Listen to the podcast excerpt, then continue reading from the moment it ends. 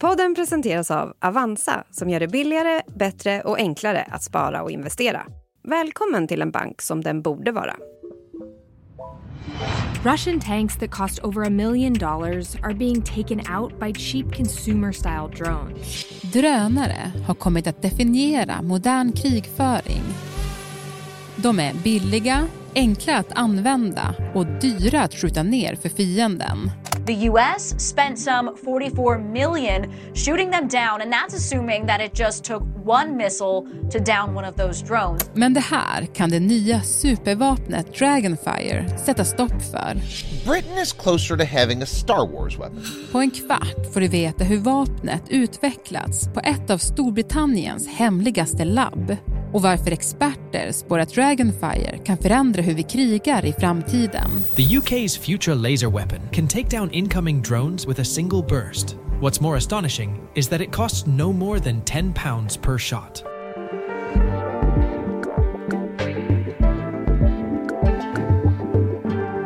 Det här är Dagens Story från Svenska Dagbladet.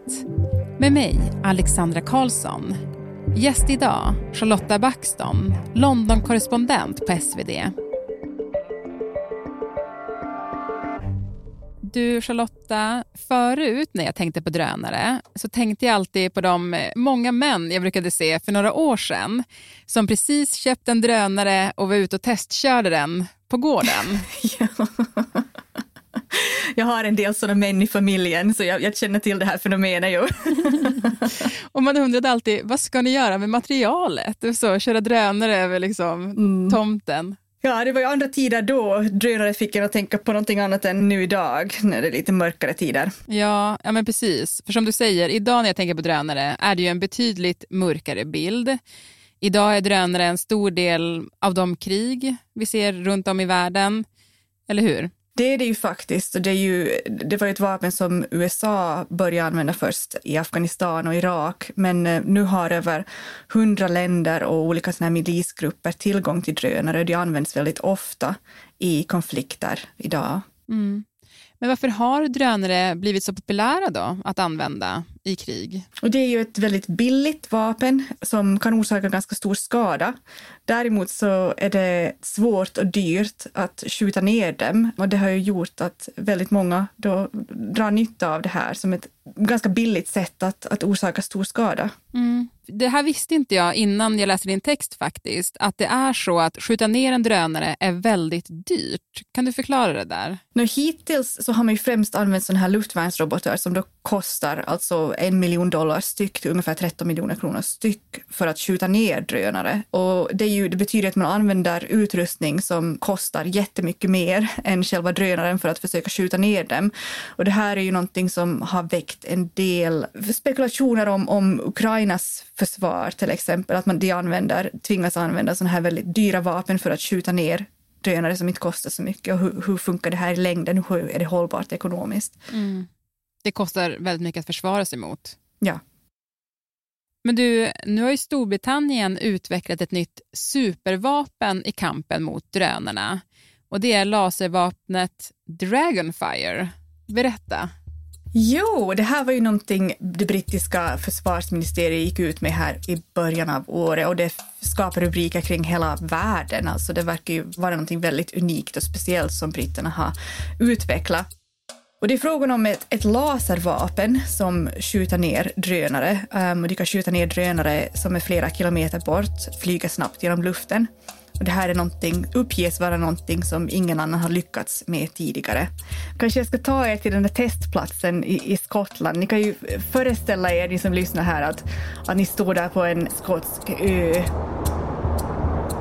Och det är alldeles mörkt för att här finns det inte så väldigt mycket ljus. Det är långt borta från all civilisation.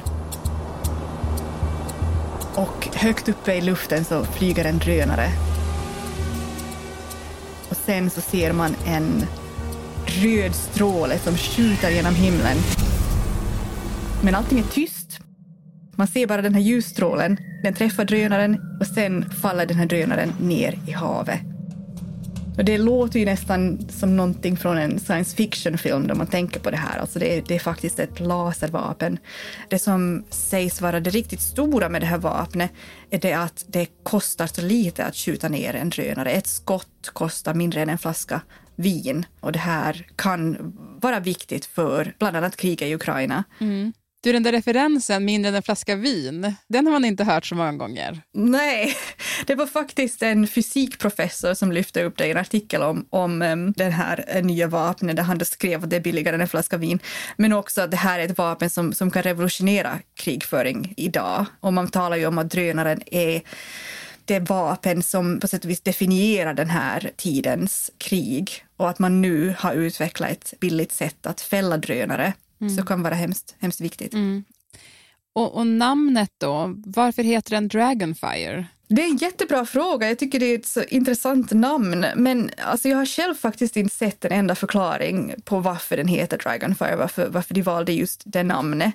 Det är ju ett ganska logiskt namn på sätt och vis. Man tänker att det är en drake som skjuter ut en eldstråle ur munnen. Eh, jo, men, men som sagt, jag har inte sett en enda officiell förklaring på varför det blev just Dragonfire. Nej.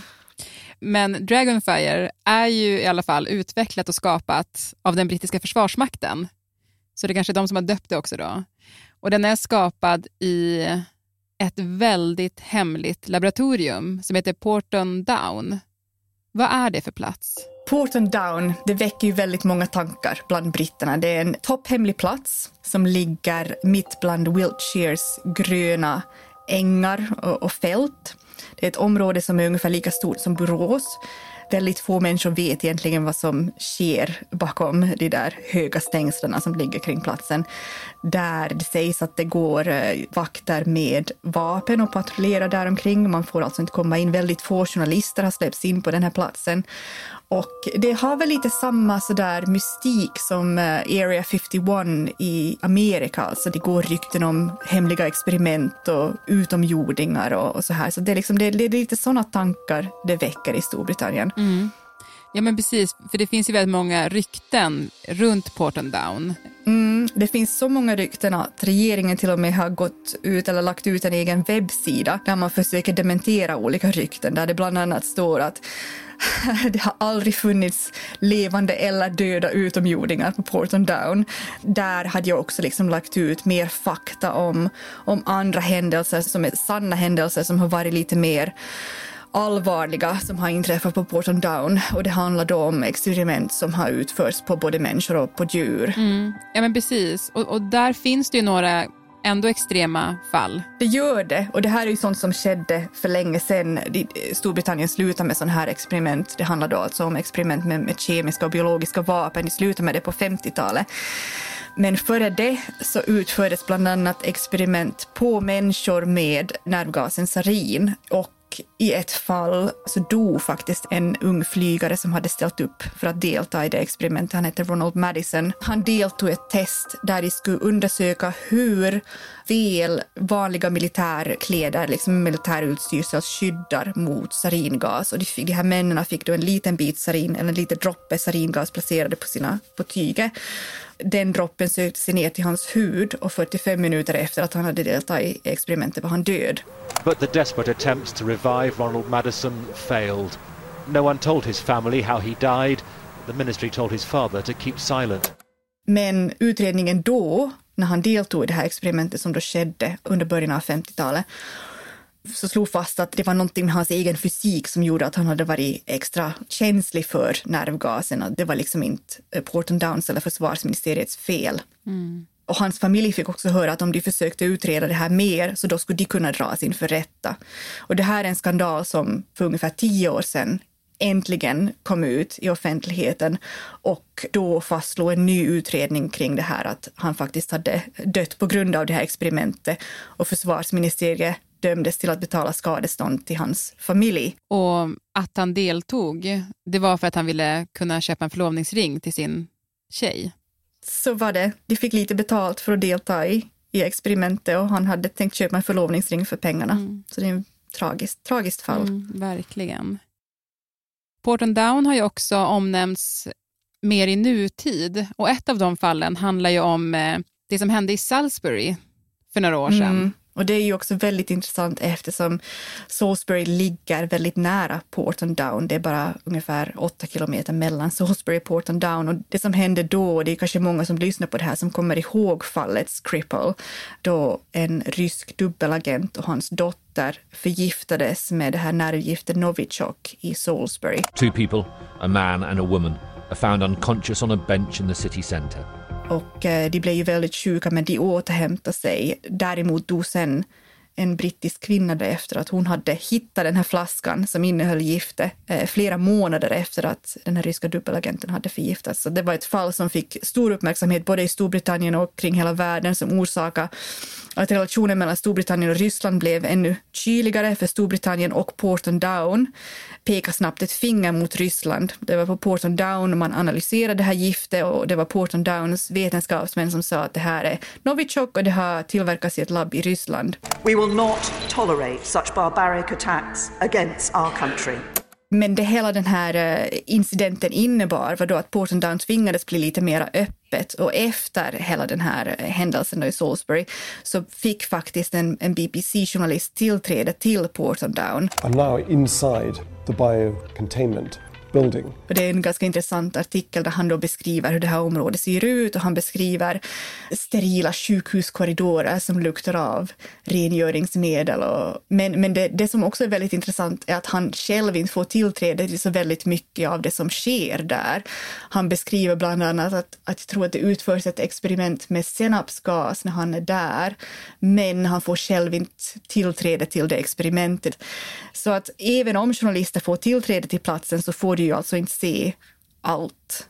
Och inte ens alla som jobbar på Porton Down uppges ha tillträde till hela området. Alltså det finns väldigt en strikt hierarki mellan laboratorierna och vad är det, level 4 är väl den mest hemliga nivån och det är väl uppges vara bara 20 vetenskapsmän som har tillgång till de här laboratorierna där man forskar kring sånt som då kan döda omedelbart, alltså riktigt biologiska virus eller kemiska vapen. Mm. Ja, det är ett mytomspunnet ställe av en anledning kan man väl säga. Exakt. Mm. Och om vi återgår till det här supervapnet som nu har utvecklats på Porton Down.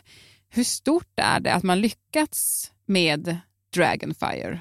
Det uppges ju vara, alltså experter menar att det här är, är någonting jättestort och revolutionerande, att det kan förändra modern krigföring, att man nu faktiskt kan skjuta ner drönare med ett, ett sånt här vapen. Det kan ju innebära att det blir billigare att handskas med drönare och i och med att drönarattacker blir allt mer vanliga så behövs det ju billigare sätt att skjuta ner dem. Det att man har utvecklat ett laservapen. Och nu måste jag här säga också att det här vapnet är inte helt klart ännu. Det, det kommer ännu att ta ungefär fem år eh, innan det går att användas på, på fältet. Men det att man faktiskt har utvecklat ett laservapen som kan skjuta ner mål är ju ganska spännande. Eh, det också. Det här är ju Storbritannien uppges ha lyckats med det här eftersom man har forskat kring den här tekniken i alltså sedan 60-talet. Så att det har funnits mycket forskning kring det här, mycket spetskompetens i Storbritannien och nu har man alltså lyckats utveckla det här vapnet. Mm. Och, och det spås få stora följder?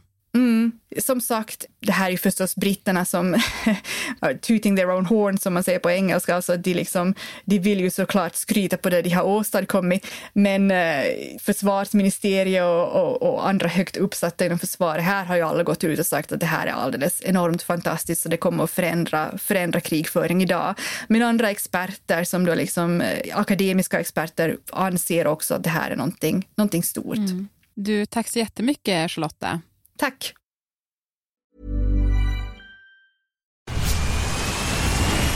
Where's that dust coming from? Still finding debris after vacuuming? Eufy X10 Pro Omni Robot Vacuum has 8,000 PA of powerful suction to remove debris deep in carpets. And it's totally hands free. Want to know more? Go to eufy.com. That's EUFY.com and discover X10 Pro Omni, the best in class all in one robot vacuum for only $799. Och programmet idag producerades av Daniel Sävström, redaktör var Elin Romeliotto och ansvarig utgivare Elisa Irenius. Om du vill kontakta oss så mejla till dagensstory.svd.se.